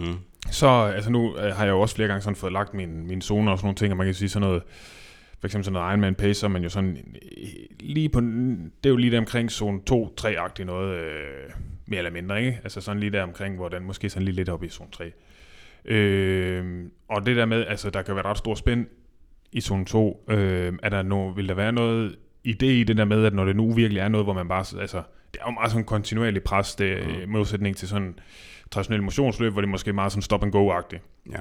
At det der med, at man måske for eksempel på sin dis- distanceture lægger noget ind, der ligger sådan lige den øvre grænse af zone 2, hvor man sådan holder lidt semistram kæde, men altså, hvor man tænker, det kan jeg gøre i mange timer men ja, ja, altså øhm, man kan sige, der er jo lidt en opbygning i det også. Ja, Og, og den vil egentlig være, at man starter lidt med at køre rigtig meget af det, der hedder sweet spot, for Ja. ligesom at, at lægge den her base. ja, ja, Ja, og det er jo sådan lige under syregrænsen faktisk. ja, ja, ja, Øhm, så, så det skal man sådan starte med at køre Ja. ja. intervaller ja. der. Det er der, hvor det, det er sjovt i starten, ikke så sjovt til sidst. Præcis. Men de første par intervaller kan være meget sjovt. Ja. Ja, Øh, når forarbejdet så er gjort, så kan man begynde at øhm, gå over til, til de mere, hvad skal man sige, øh, rigtig hårde intervaller, altså Ja. ja. korte, ja, rigtig hårde, altså Ja. ja. en helt peak, ja, peak intervaller ja, der, ikke? Ja, hvor man så gør det øh, de her to gange i ugen. cirka, ja, ikke? så det er sådan noget over tærskelagtigt noget, der Ja, det er det. nærheden noget VO2 Ja. max-agtigt noget. Ja, sådan, ja. Nogle, sådan nogle helt korte nogle. Ja, ikke? ja. Så, øh, så rigtig mange af dem, og så i mellem, mellemtiden, man sige, de dage, man ikke kører hårde intervaller, så kører man de her altså mere sådan øh, rulleture, som man måske Ja. ja. vil kategorisere dem som. Ikke? Ja, Øhm, og min opfattelse der, det er egentlig, at det selvfølgelig er pisse hårdt, de dage, hvor man kører hårde intervaller, Ja. men de andre dage, der er det, der er det nemt at gå til. Altså ja. også fordi, øhm, man ikke skal ud og køre intervaller hver dag. nej. Så man får lidt fri, Ja. øh, og man kan faktisk nyde det en lille smule mere. Ja, ja, man er fri i hovedet også. Lige præcis. Ja. Og øh, at du har ligesom øh, lidt mere energi til andre ting også, Ja. de dage, hvor du bare kører rulletur. Ikke? Fordi Ja. det er ikke så trættende Ja, på, det- på den samme måde. Nej, det er det. Så du skal egentlig bare sørge for at være frisk igen ja. til næste gang, du skal ud og køre hårde intervaller. Ja. Fordi det er der, du bliver god. Ja, Og det andet er jo selvfølgelig, at du bygger lidt på din... Øh, hvad hedder det? øh, på den aerobe motor, ikke? Ja, Ja. lige præcis. Øh, og også øh, gør noget for din forbrænding, Ja. fordi at man kan sige, når du kører de her lange løb, så er det jo godt at have en god øh, man sige, fedtforbrænding. Ja, Øhm, og det får du også ved at få noget mere kontinuitet i det. Og selvfølgelig er det også godt at få nogle øh, lange ture, så det ikke kun er korte træningspas. Ja. Netop af den årsag. Ja, ja, Ja. Okay. Okay, så det, altså i princippet er der jo ikke den store forskel fra, Nej, der man vil vil ikke måske være... ikke lave så meget sådan spurttræning for eksempel. Øh, Jo, det kan man godt. ja, Ja, jeg, jeg vil nok sige, at man mere omkring de her 5 minutters og Ja. ja.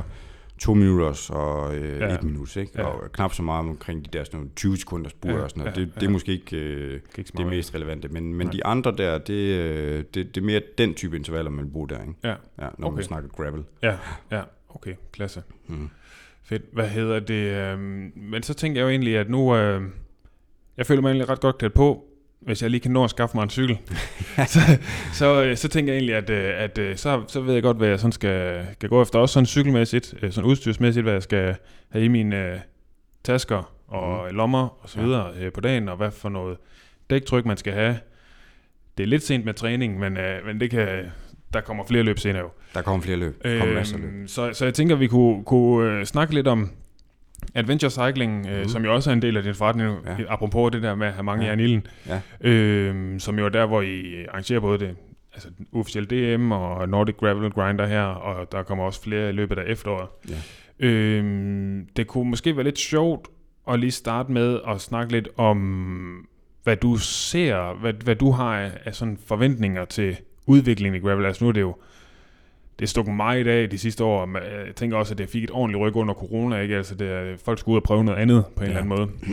Ja. Men altså, hvad, hvad, ser, hvad, hvad, hvad, hvad ser du der for dig? Nu kan se, UCI har jo også begyndt at lave noget, noget World Ja. Cup øh, Ja.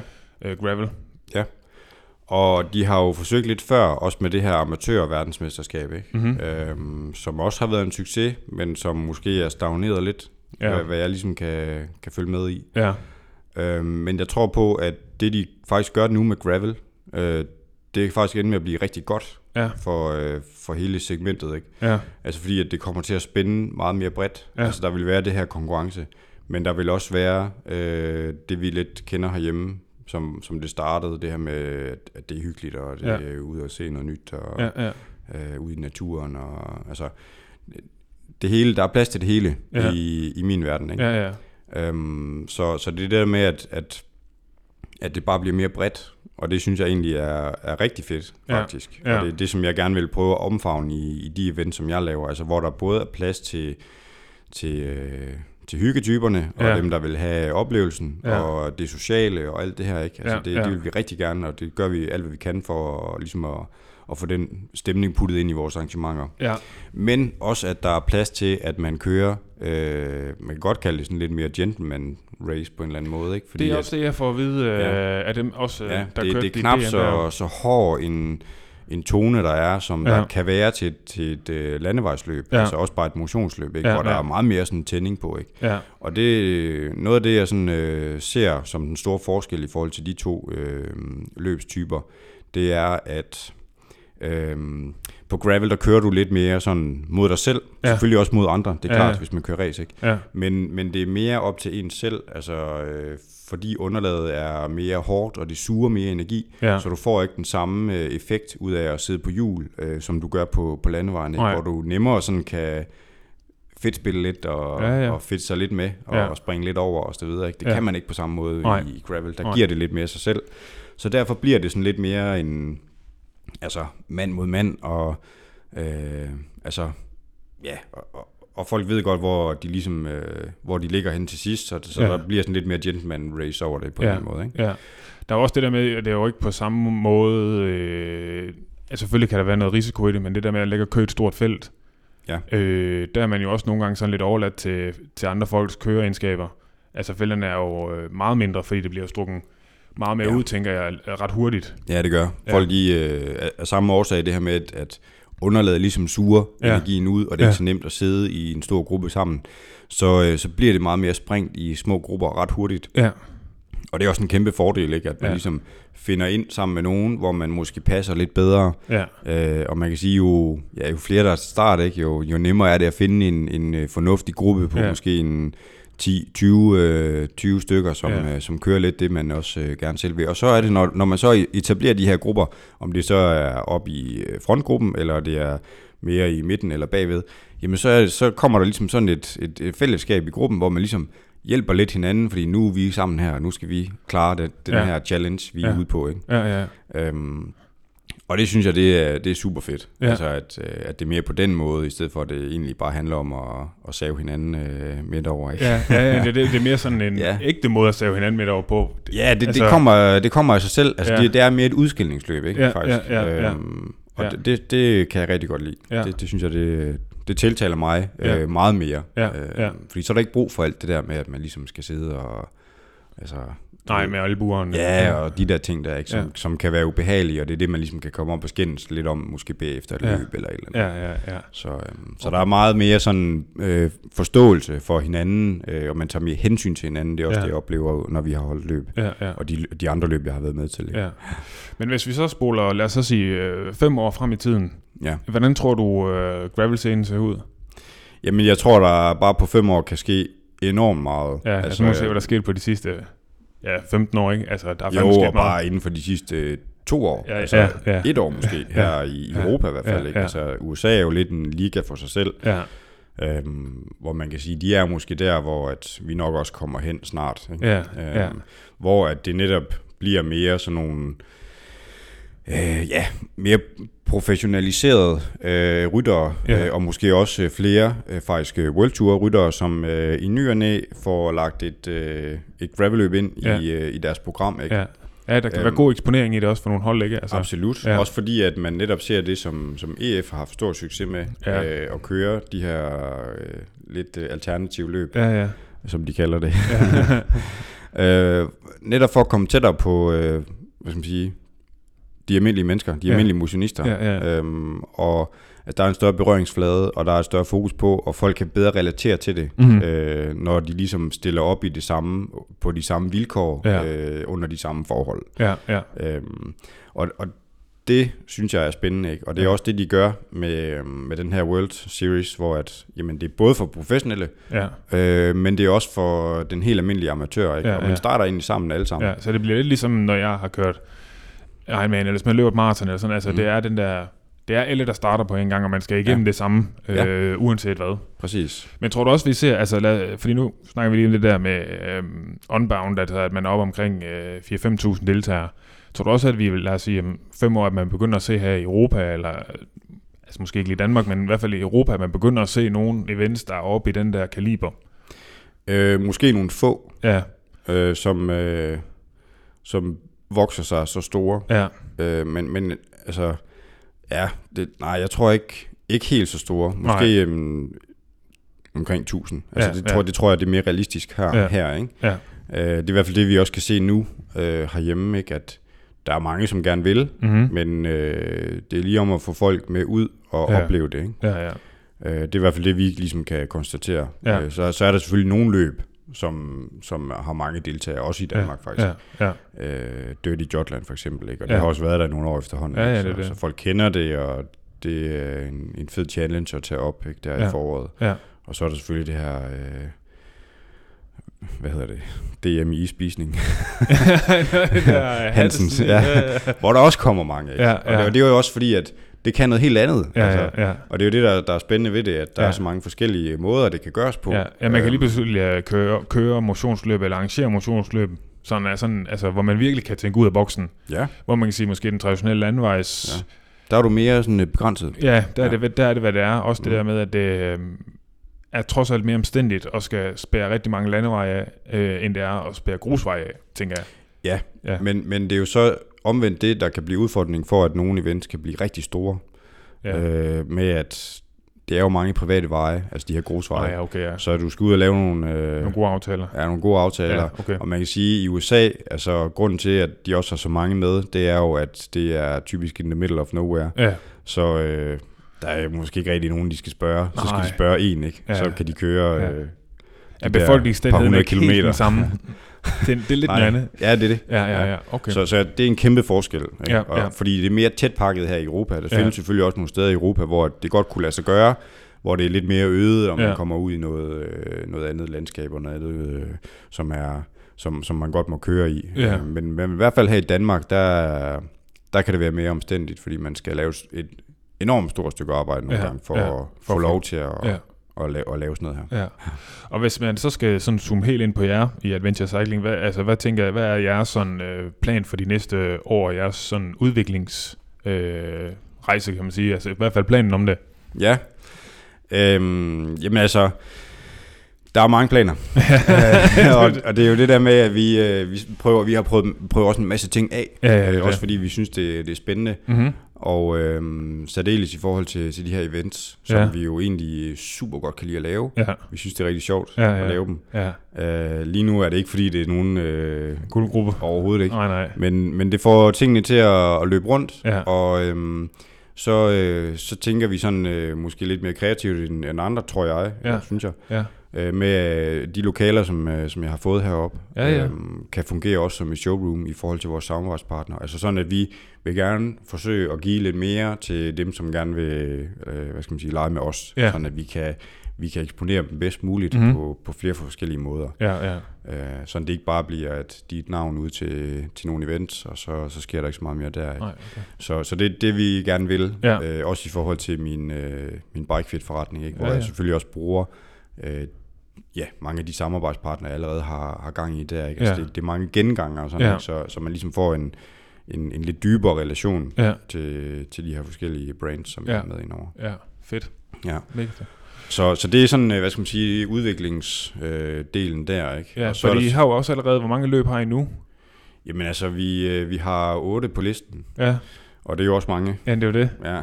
Så der er vi- næsten og- ikke plads til meget mere jo. Nej, Eller ja, Ah. ja. altså der er jo mange idéer. Ja, ja. Og øh, nu har vi så taget fat omkring dem, som vi synes, der sådan kunne give mest mening, Ja. og som ligger sådan lige for. Mm-hmm. Øhm, og øh, det kan godt være, at der er nogen, der øh, forsvinder igen, Mm-hmm. øh, hvor vi så tænker, at vi gerne vil bruge mere krudt på, øh, på nogle af de, de andre events, som allerede eksisterer, for Ja, ja, måske at, at gøre dem mere attraktive og gøre dem lidt større. Ikke? Ja, Øhm, men det er sådan en udviklingsproces. Øh, ja. Så, øhm, så i bund og grund, som sagt, vi tester en masse ting af, og har ja. gjort det også i år, fordi i år er lidt det første år, det første rigtige år, ikke? Hvor Jo, vi ligesom har... Jo, jo, også efter corona og alt det her. Ja. ja. Præcis. Øhm, så, øh, så i hvert fald på eventdelen, der, der, gør, vi, der gør, vi, gør vi det på den måde der. Ikke? Ja, okay. Og så jo, så har vi også et i hvert fald lidt større projekt, som øh, jeg ved ikke, hvor meget jeg lige kan sige om det nu, som øh, måske allerede næste år kan blive en realitet, eller også så Aha. i hvert fald næste år igen, Nå, det bliver som vi spændende. arbejder på. Ja, okay. Ja. Nå, Men det, der skal nok øh, få meget mere Ja, information omkring det. spændende. Ja. Og nu har vi Nordic uh, Gravel Grind her uh, 27. ja. Og så har, er der en i Mols uh, bjerge, det, er det ikke i september? Den Jo. det- 17. 17. mener jeg, eller også er det den 18. Ja, Det er i hvert fald søndag. ja. Øh, hvor man kan rundt derude. Ja. Og så gravel event. Øh, jeg tænker også virkelig fede øh, kulisser til... Øh, Ja, fordi at, at øh, der har vi allieret os med en, øh, en café, ja, ja, det så, ja. Appelgren Ja. øh, Hjort Ja. Coffee, Ja. deroppe, ikke? Ja, Øh, som er et super fedt sted, ja. og laver mega god kaffe, Fantastisk. ja, og øh, har gode croissanter. Øh, så det er jo ligesom øh, set op omkring det, ikke? At, ja. at det, det skal være hyggeligt, ikke? Ja, og ja. det skal være lidt det der adventure ride, Ja. vi, øh, vi kommer ud på deroppe. Ja, Øh, også med depoter derude, ikke? For, Ja, ja, ja. ja. for dem, der vil det. Ja. Og så øh, masser af god stemning og hygge inde på, på caféen inden og, og efter os der Ja. ja. på havnen i Æbeltoft. ja, ja. Ja. Så, så der er lagt op til, Der er lagt også til til en rigtig god tur. Ja. Ja. ja. Og så har I igen også, øh, der kommer også, er det to sådan hen lidt over vinteren det sene efterår? Øh, ja, altså vi har jo også et nyt et, som Ja, øh, vi har, ja, ja, ja, ja, ja. hvor vi laver sådan lidt et tribute løb til, til Mhm. den efterårsudgave, som var af Ja. Paris-Roubaix ja, her for, fedt. hvad var det, for sidste, ja, var det sidste år, ikke? Ja. Jo, sidste år der i oktober måned, Mm-hmm. med godt med mudder. ja, det var og- fedt. Det var det fedeste løb, der har været i Roubaix i mange år. Ja, ja. Altså, Ja, det var fedt at se på i hvert fald. det Jeg var fedt ikke, at jeg se ved på. ikke, om det ved- var nej, jeg fedt. ved heller ikke, om jeg selv ville lige have kørt det løb der. Nej. Men, øh, men der laver vi sådan et øh, tribute-løb derovre øh, på Sjælland, Ja, øhm, som vi allerede har åbnet tilmelding til nu. Ja, så det, ja. kan man, det kan man finde derinde. Ja.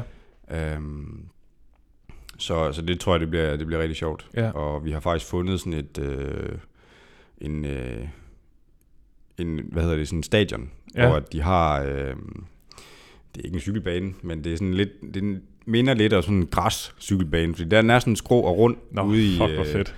i, Ja, meget af, af rundingen der, ikke? Ja, ja. Øhm, så, øh, så hvis alt flasker sig, så kommer vi til at slutte derinde. Det er fedt.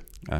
Men altså, sådan generelt for alle jeres løb, er det så, at man har, hvad skal man sige, der er mulighed for både at komme og hygge, Ja. øh, dem der gerne vil det, Ja. og så er der også mulighed for at komme og, og give den fuld Anna og, og yes. gå efter at komme først til Lige årsdrejen. præcis. Ja, okay. Ja. Fedt. Så, så vi vil egentlig gerne sådan have, have begge muligheder mm. åbne for, øh, for dem, der har lyst til det. Fordi Ja. ja. der er altid nogen, der gerne vil øh, det ene og, og det andet, ikke? Ja, ja. Og så, øh, så kan man sige, at der er jo klart flest, som, som kommer for at opleve og for, for at hygge sig. Ja, Og det er, jo, det er jo klart det, som vi gerne vil sådan omfavne mest af, ikke? At, Ja, ja. at der ligesom bliver noget for dem, øh, og at ruterne ligesom passer meget til dem, ja. til den type der, ikke? Men Ja. selvfølgelig også det her med, at, at øh, man godt kan komme og give den noget gas, for Ja. det er der også mange, der gerne vil. Ja, det er det. Og det er også fedt, altså at komme ud Det og sjovt. Ja, Ja, det er det. udfordre sine, øh, sine kammerater, ikke? Ja, det er det. Ja.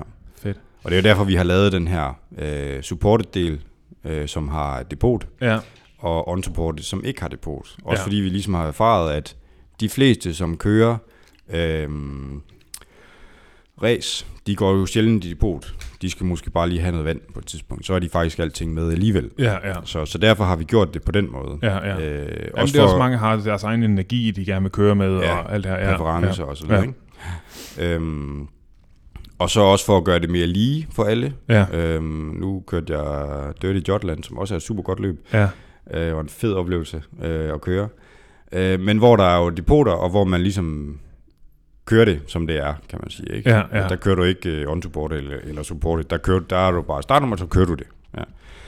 Øhm, og jeg skulle så i depot, fordi jeg var ligesom øh, alene afsted, øh, og var afhængig af at få Ja. derfra, ja. ja. hvor andre havde folk ude på ruten, som oh, langede til dem. Ikke? ja, ja, okay, okay. Øh, ja. og, og så bliver det sådan lidt mere... Øh, ja, så bliver det nærmest skæv. ligesom et almindeligt cykelløb. Altså, Ja. har du nogle sonjører til at stå det rigtige sted? præcis. Ja, okay. Og, ja. det, og det er derfor, jeg tænker, at det skal ikke være nogen fordel, Mm. at man har mulighed for at have nogen med, som kan stå og lange og gøre ved, ikke? Ja. Fordi det er en kæmpe fordel. ja, ja, 100. Hvis andre ja. skal ind og Ja. selv tanke vand, eller... ja, ja, du har hele tiden noget, du skal bruge. Ja, Præcis. ja Ja. okay. Så derfor, for at gøre det sådan en lige øh, konkurrence for alle, så øh, hvis du gerne vil køre hurtigt, Ja. så hedder det unsupported. Ja, fedt. Ja. Klasse. Ja. Jamen, øh, Mads, jeg tror, vi er omkring det. Ja, Uanset hvad, så kommer jeg i hvert fald ned og kigger øh, næste weekend. ja, Eller, ja, når den her udkommer ja. i weekenden. Fedt. Øh, og så, øh, så må vi se, om jeg skal ud cykle, eller om jeg bare skal kigge på. Ja. Og lige lure, lure an. Det Ja. måske også været et meget fint sted at starte, fordi øh, jeg har ikke meget erfaring. Det kan være, at vi kan sende dig med rundt på ruten på en eller anden måde. Ja. Vi har nogle fotografer, som, øh, som kommer og, og laver noget med det. ja, ja. Så, så det kan godt være, at de, de har et øh, spot til dig. ja, det kan være meget fedt. Ja, så lige, lige komme ud og snuse lidt til det også, Ja, er se det. hvordan det fungerer i depoterne og Ja. de andre steder ude på ruten. Ikke? Præcis. Ja. Fedt. Jamen, øh, Mads, øh, tak, for, øh, tak for nu. Selv tak. Ja, og tak for jer, der lytter. Vi ses.